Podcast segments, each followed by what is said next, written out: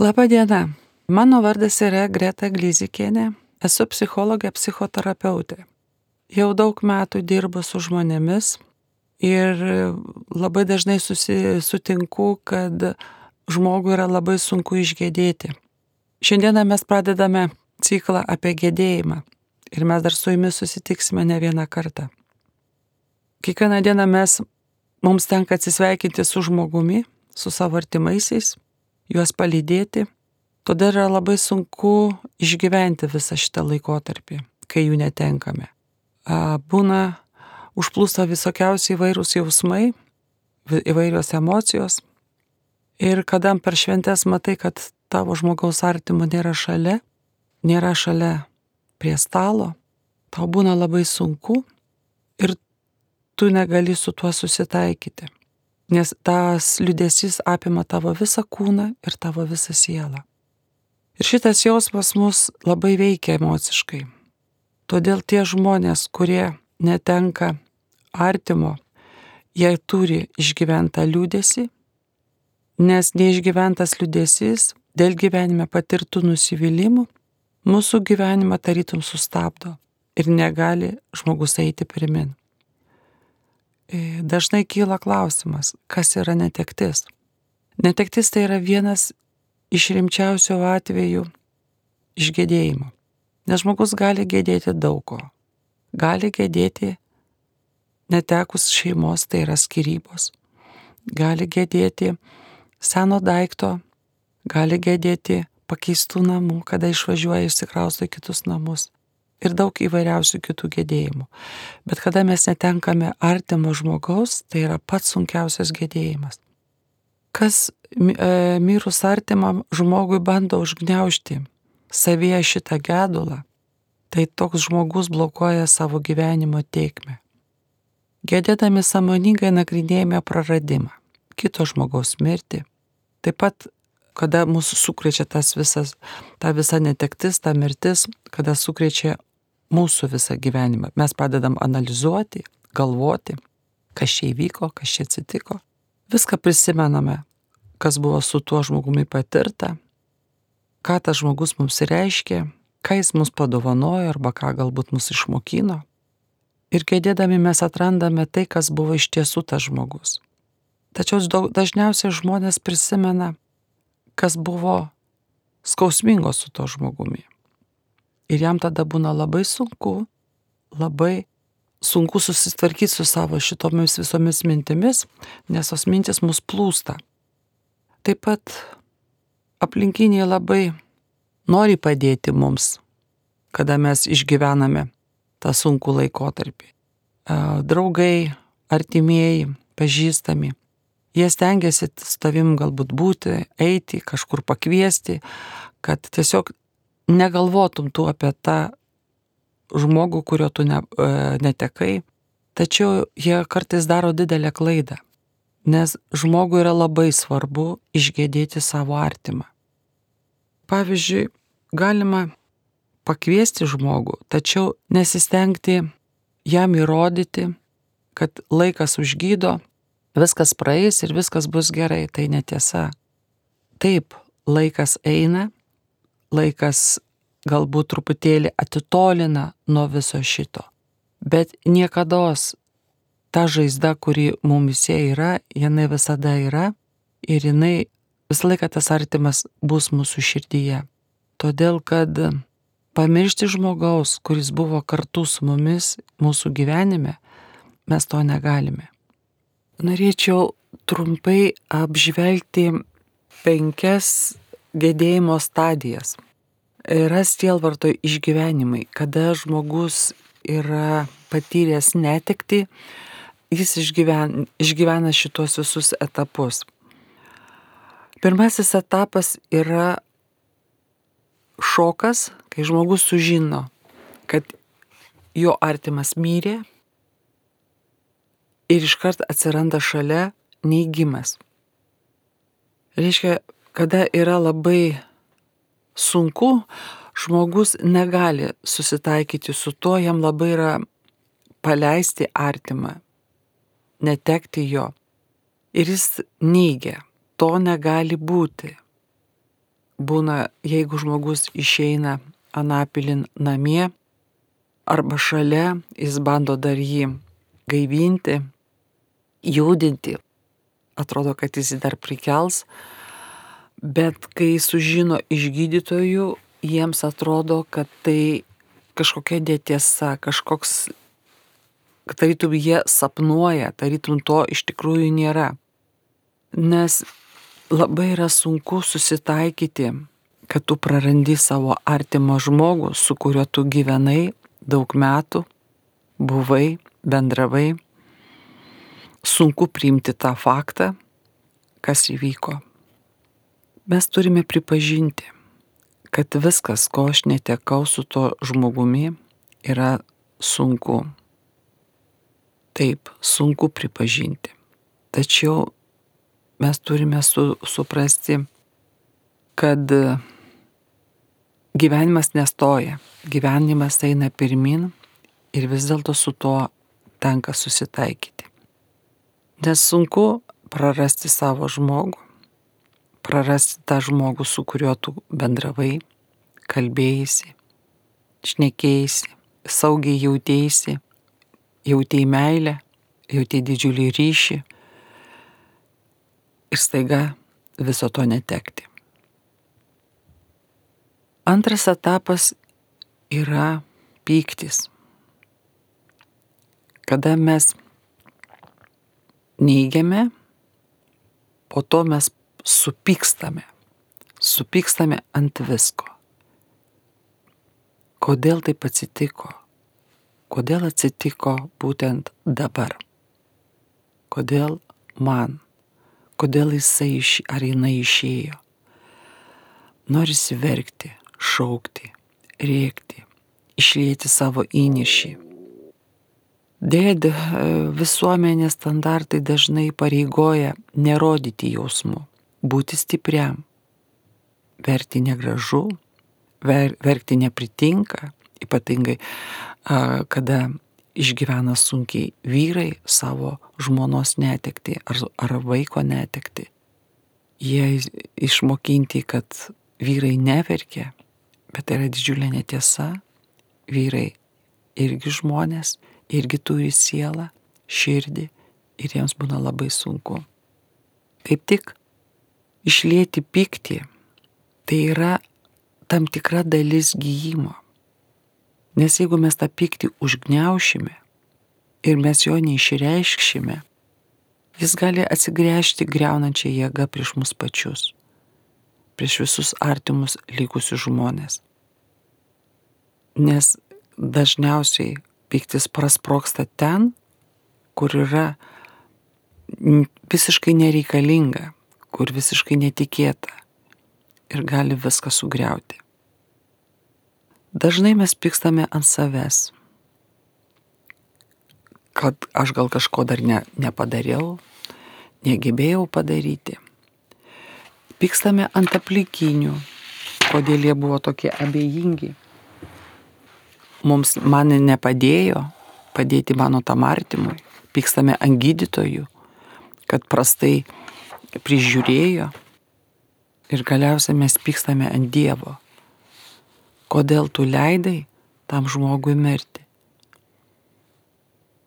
Ir kartais žmonės nusigrėžia nuo Dievo. Tačiau Dievas niekada nenori žmogui blogo. Dievas mus myli tokius, kokie mes esame. Ir jis visada žmogui nori padėti. Mes pykstame ant viso pasaulio. Kodėl tas kitas žmogus numirė? E, kada žmogus serga ir sužino, kad jisai nebepasveiks, greitai numirs, tuomet jis pats pradeda pykti ant savęs ir ant gydytojų. Lygiai taip pat jis išgyvena tą antrąjį etapą, pykčio etapą. Tačiau reikia suprasti, kad žmogus pyksta ne konkrečiai ant žmogaus. Žmogus pyksta ant tos situacijos, kuriuos mes negebam pakeisti. Bet žmogus to nesupranta. Taip pat yra Trečias etapas - sielvarto etapas tai yra dėrėjimasis. Mes dažnai, kai kažko norime gauti ir mums yra sunku išprašyti, mes pradedam gudrauti, mes pradedam dėrėtis. Žmogus, kuris neteko ryšio su savo artimuoju, stengiasi jį dirbtinai sukurti ir palaikyti. Pavyzdžiui, laiko jo daiktus, nejudina, netvarko kambario, kuriame tas žmogus gyveno. Ir tarytum, ten sustoja laikas. Pa, pasilieka labai daug įvairių nuotraukų, apsistato savo kambarius, kuriame jisai būna, to žmogaus nuotraukų. Gyvena kažkokiais prisiminimais. Tegul būna jie ir geri, Bet jeigu žmogus visada prisimena ir gyvena tais prisiminimais, jeigu aplink jį yra daug nuotraukų žmogaus, kuris išėjo anapilin, jeigu yra netvarkyta, netvarko kambario ir daiktų jo nejudina, žmogus pats sustabdo tarytum savo gyvenimą. Jisai tarytum negyvena, bet egzistuoja. Bet tai yra savęs apgaulė.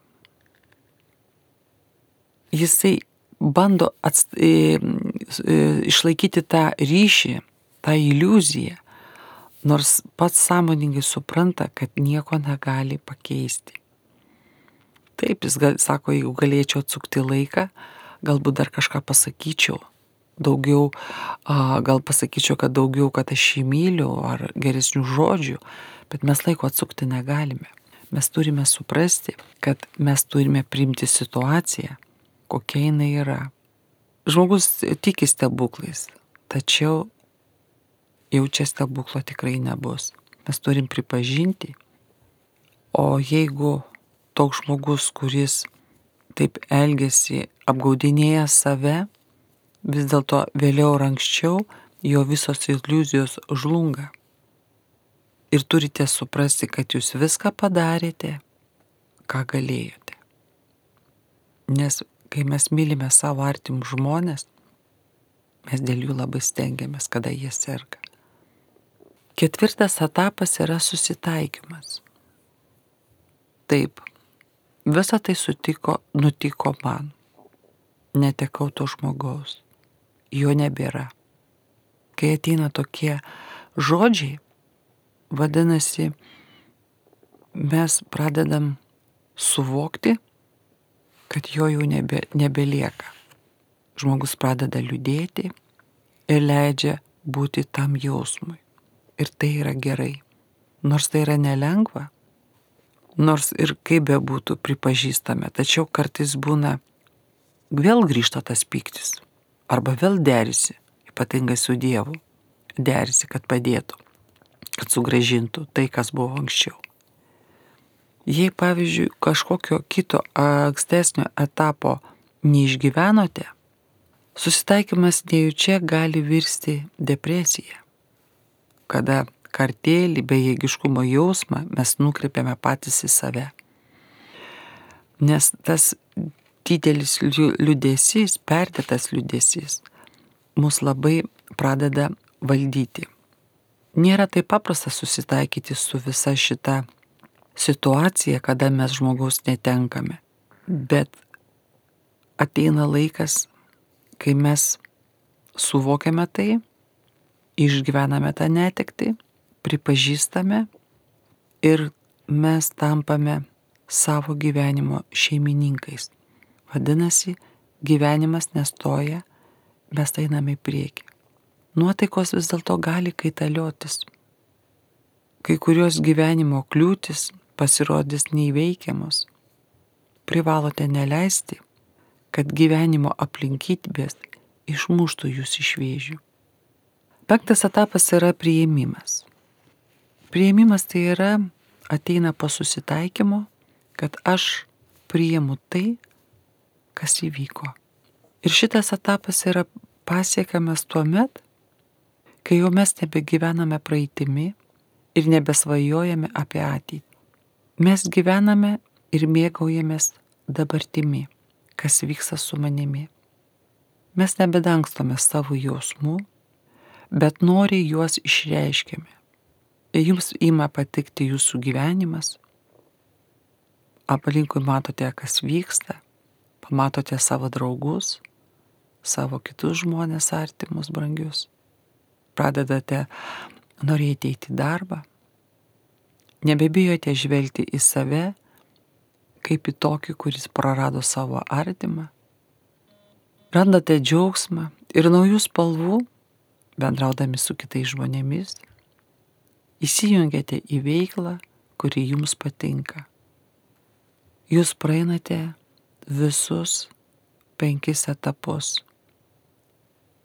Būtina prisiminti, kad minėto sielvarto etapai ne visada seka vienas paskui kitą chronologiškai. Vienu kažkuriuo klausimu galite būti prieimimo etape, kitų klausimų - pykčio ar neigimo. Tie etapai gali kaitaliotis.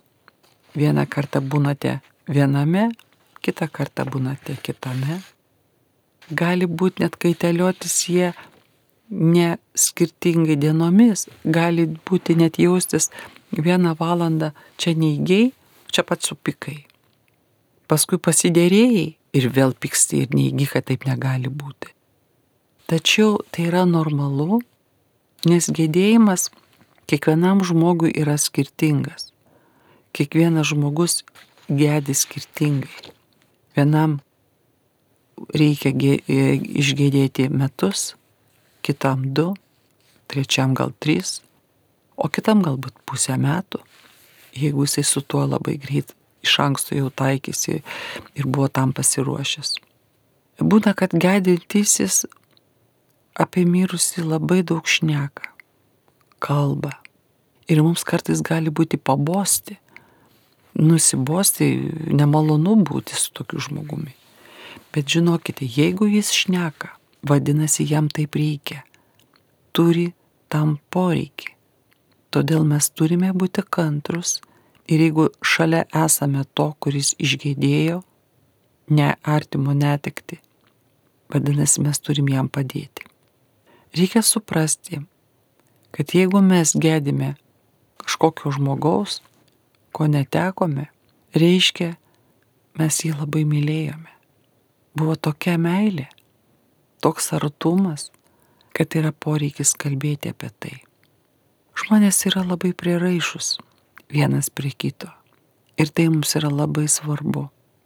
Kai mes buvome su tai žmonėmis, kurių netekome, kurie mums suteikė daug dalykų, jie mums galėjo suteikti ir saugumą, ir pasitikėjimą, ir gerus prisiminimus turime su jais.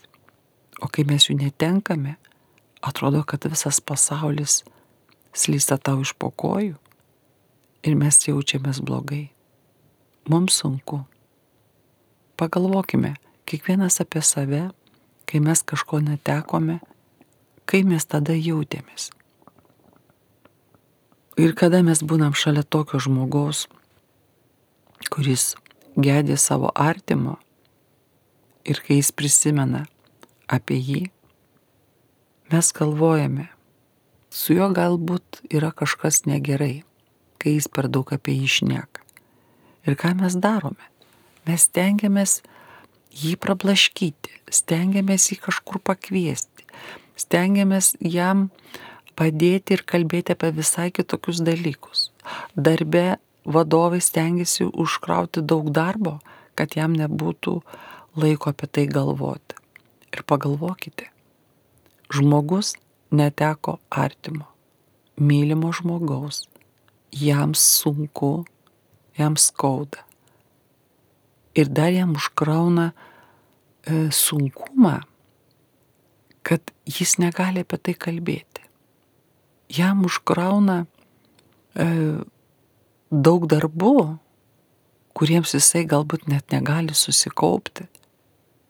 Vadinasi, kiek jis turi daug atiduoti energijos tam visiškai nereikalingam jausmam, save laikyti, save suturėti.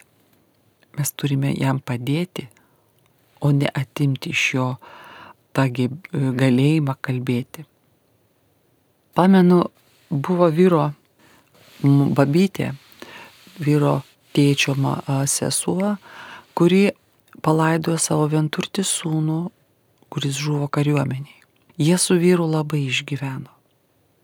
Jie labai išgyveno ir jinai kiekvieną dieną eidavo į kapus. Pradžio, kai jinai dirbo, bėgdavo į kapus vakare.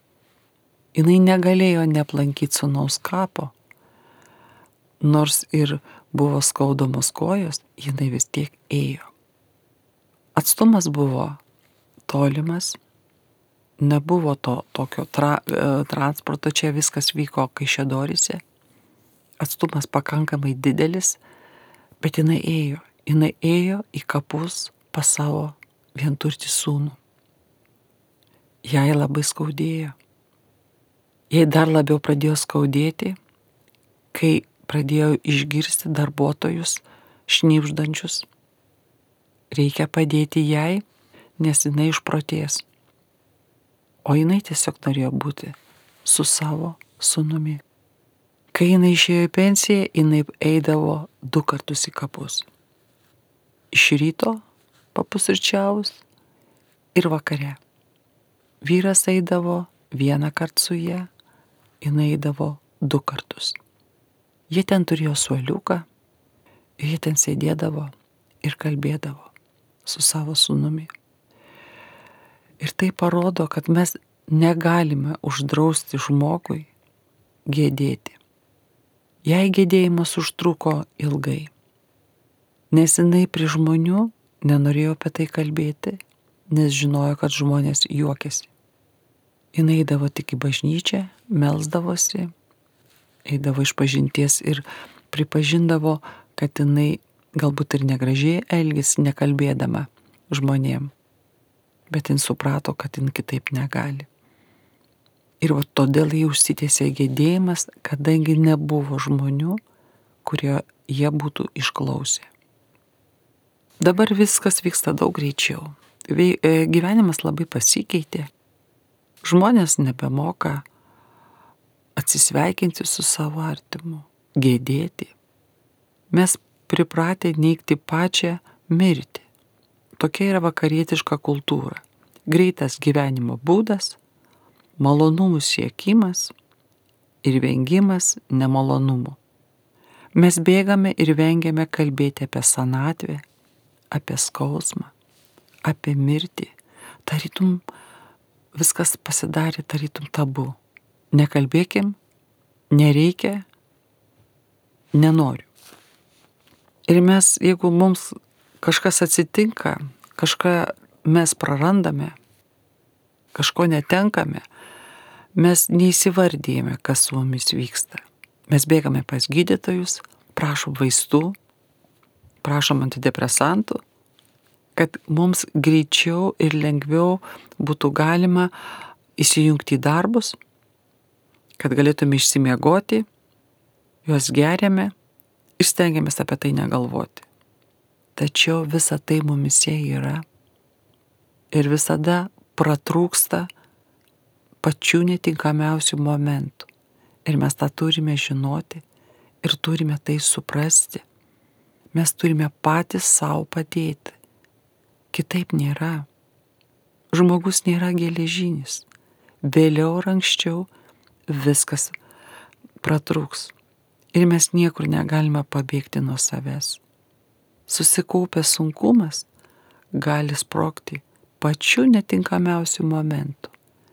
Gali būti geri įvykiai, o vienas žodis, kuriuo galbūt užteks perpildyti skausmo stikliniai, sproks.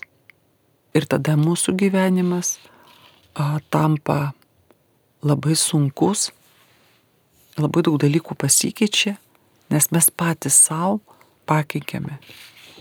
Mes apžvelgėme visus šituos penkis etapus ir tai, kad žmogus išgyvena sunkiai, netekti, kad jam nėra taip lengva, tai yra visiškai normalu ir priimtina. Todėl mes turime išmokti pažiūrėti tiesiai į akis. Neveltui viešpats sako, tik tiesa mus padarys laisvus. Nemeluokime savo, padėkime savo. Išspręsti tas problemas, kurios mumise susikaupė. Žmonės, kurie neteko savo artimo, jie paprasčiausiai liūdį, jie turi išliūdėti, jie nenori bendrauti, jie, jie nenori būti triukšme, jie nenori kartais daryti to, gal galbūt kartais yra būtina tai daryti. Ir žmogus gali net neišeiti iš to skausmingos sustingimo, prislėgtumo ar tos tokios depresiškos būsenos. Jo galbūt nedomina dabartiniai gyvenimo įvykiai, yra prarandami interesai, dažnai prisimena ir apmasto, bei skirsto savo gyvenimą, koks buvo iki išėjimo to žmogaus ir po tos netekties. Jie išgyvena šitą skausmą. Ir visi draugai, kurie nori pagelbėti, jie turi suprasti, kad šitą skausmą žmogus turi išgyventi. Nuo to skausmo nepabėgsi, jo negalima ignoruoti. Ilgas ir didelis skausmas išvargina net ir pati kantriausią žmogų. Todėl nuo tos įtampos žmogus kartais netenka ir tų pačių ašarų, negali verkti, nes jam yra labai skaudu.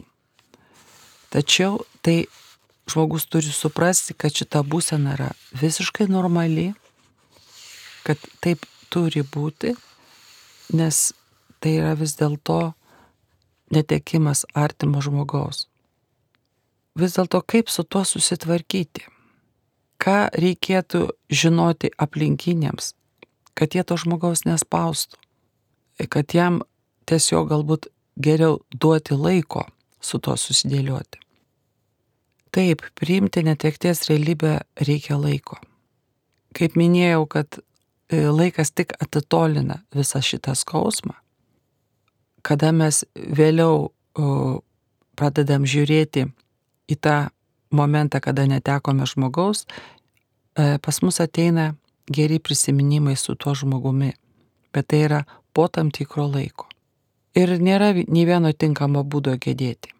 Kiek yra žmonių, taip kiekvienas skirtingai geba išgebdėti tą skausmą.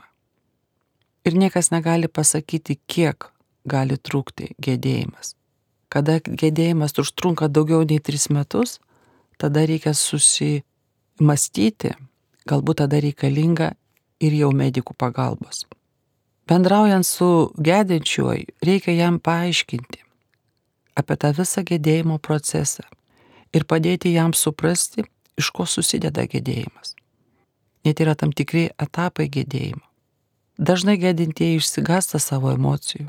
Jiems atrodo, kad jie gali išprotėti, bet jiems reikia ir paaiškinti, kokiu fiziniu, emociniu ir kognityviniu reiškiniu reikia tikėtis gedėjimo metu. Mes turime kultūrinę problemą, kuri mums neleidžia pykti, ypatingai vaikams. Juk jeigu mes netenkame artimo žmonė, žmogaus, mes išgyvename tą skausmą, bet mes niekad nepagalvojame, kad vaikai taip pat išgyvena. Kai miršta tėtis, vaikai supranta, kad tėčio netekimas yra. Bet kai miršta seneliai, vaikas irgi išgyvena. Todėl, kad jisai galbūt daug laiko praleido su seneliais. Kiekvieno artimo išėjimas, kaip suaugusi, taip ir vaiką paliečia. Ir vaikai turi teisę pykti. Nes piktis tai yra gera emocija. Mes labai dažnai sakome, vad pykti blogai, pykti negerai. Deja, piktis yra gera emocija, nes tai yra tarytum gynybinė reakcija ir tai rodo, kad mes jau galim pereiti ribas, tačiau kada mes tos ribos neperiname, piktis mus gali motivuoti, gali padėti daug ką pasiekti. Tačiau pikti reikia išreikšti. Nereikia laikyti savyje, tačiau jį reikia išreikšti. Ir vaikai tai moka daryti. Svarbu net reaguoti į jų pyktį savo pykčiu. Paauglių diapazonas yra toks, kad jie negali liūdėti, jie negali verkti. Jeigu jie tai daro, tai yra gerai, juos reikia palaikyti. Bet daugumas paauglių, jie klauso trankę muziką, jie šaukia, barasi, rėkia. Taip jie išleidžia savo skausmą. Ir visi artimieji turėtų suprasti savo vaikus, nes jiems irgi yra skaudu. Šiais laikais labai daug kas atsisako šarvuoti žmogų salėje ir iškart veža kremuoti. Mes turime suprasti vieną dalyką, kad laidotuvės yra labai svarbus ritualas. Tai yra vienin, tas procesas, kuris padeda išgyventi mums gėdėjimą. Kada žmogus būna pašarvotas, tai parodo, kad jo gyvenimas buvo, jis gyveno gyvenimą ir jis baigėsi. Ir mes tai turime suprasti, kad tai yra svarbus gėdėjimo procesas. Nebereikalo senovės baltai kalbėjo, nebuvo pas juos vėlinių, pas juos buvo vadinta ilgėmis. Jie ilgėdavosi savo artimųjų žmonių. E, mes turime suprasti, kad tas žmogus, kuris išėjo, jis visada liks mūsų širdyse, mūsų prisiminimuose. Ir kada mes atsigausime, mes prisiminsime, kaip aš jau minėjau, gerus dalykus. O kas padeda išgyventi visą šitą sielvartą? Pirmoje mes turime susitaikyti mintimis, kad mes to žmogaus netekome ir kad ištinka netekti visi, visus žmonės. Ir kad gyvenime tai yra neišvengiama. Mes tik tai turime suprasti vieną dalyką, kada vaikai laidoja tėvus, tai yra tarytum, taip turi būti. Bet neduok Dieve, jeigu reikia laidoti savo vaiką, tai yra labai sunkus momentas, nes motinos širdis plyšta. Ir visada mes turime leisti tam žmogui kalbėti apie netekti. Jis gali kalbėti dieną, dvi, savaitę, mėnesį, bet jis turi iškalbėti tai, kas jame susikaupė. Aš pamenu, kaip mano vyro brolis žuvo su savo sūnum. Mano anytai buvo labai sunku. Mes tada jisai, pamenu, e, buvo, sūnus žuvo, anukėlis mano anytos žuvo iš karto, o sūnus buvo komoje 21 parą. Tai mes va tą visą 21 parą sėdėdavom verandoje ir daug kalbėjom. Nuo ryto atsikeldavo Anyta, sėsdavom prie stalo, kavos išsivirdavome ir jinai pradėdavo kalbėti. Pradžiui tylėdavo, vėliau kalbėdavo. Ir taip mes kalbė, leidom jai kalbėti, išsikalbėti, išsiraudoti, nes taip jinai galėjo išventiliuoti visą tą skausmą, kuris joje buvo. Taip pat mes turime suprasti vieną dalyką kad mes turime žmonėms pasakyti žodį, kad žmogus mirė. Mes labai mėgstam sakyti, žmogus išėjo, žmogus paliko, bet mes turime įvardinti tiesiogiai, kas vyksta. Žmogus mirė. Mes, nes dažnai žmonės bijo šito žodžio. Kaip ir dažnai bijo įvardinti savo lygos e, teisingą diagnozę. Mes turime padėti, palaikyti tą gedintįjį, užjausti Kartais galbūt nereikia nieko kalbėti. Kartais užtenka tiesiog pabūti šalia. Nes nėra taip paprasta būti su to žmogumi, kuris gedė. Juk kartais ir paklauskime savęs, ar mes esame pasiruošę būti su tais jausmais, kurie yra tame žmoguje. Netaip paprasta išgyventi visą tai. Kaip jau minėjau, piktis yra gerai. Leiskite pikti. Net jeigu žmogus pyksta ant viso pasaulio, net jeigu pyksta ir ant Dievo, netrudykite jausti jam šitos, šitų jausmų. Tai turi išeiti, išsiventiliuoti. Nes jis turi priimti netekties realybę, o kad tai priimti reikalingas laikas. Dažniausiai žmonės siūlo naudoti vaistus. Galbūt tam kartui, jeigu tavo sveikatai kyla sunkumas, kad tu gali alpti, tau gali būti labai blogai ir tau, ir tau gali, e, tu galėsi nesusikopti ir neprabūti tą kėdėjimo laikotarpį. Galbūt kartais ir reikia tų vaistų, tačiau žinokite vieną. Mes turime išgėdėti, turime išjausti visus tuos jausmus, kurie ateina pas jūs.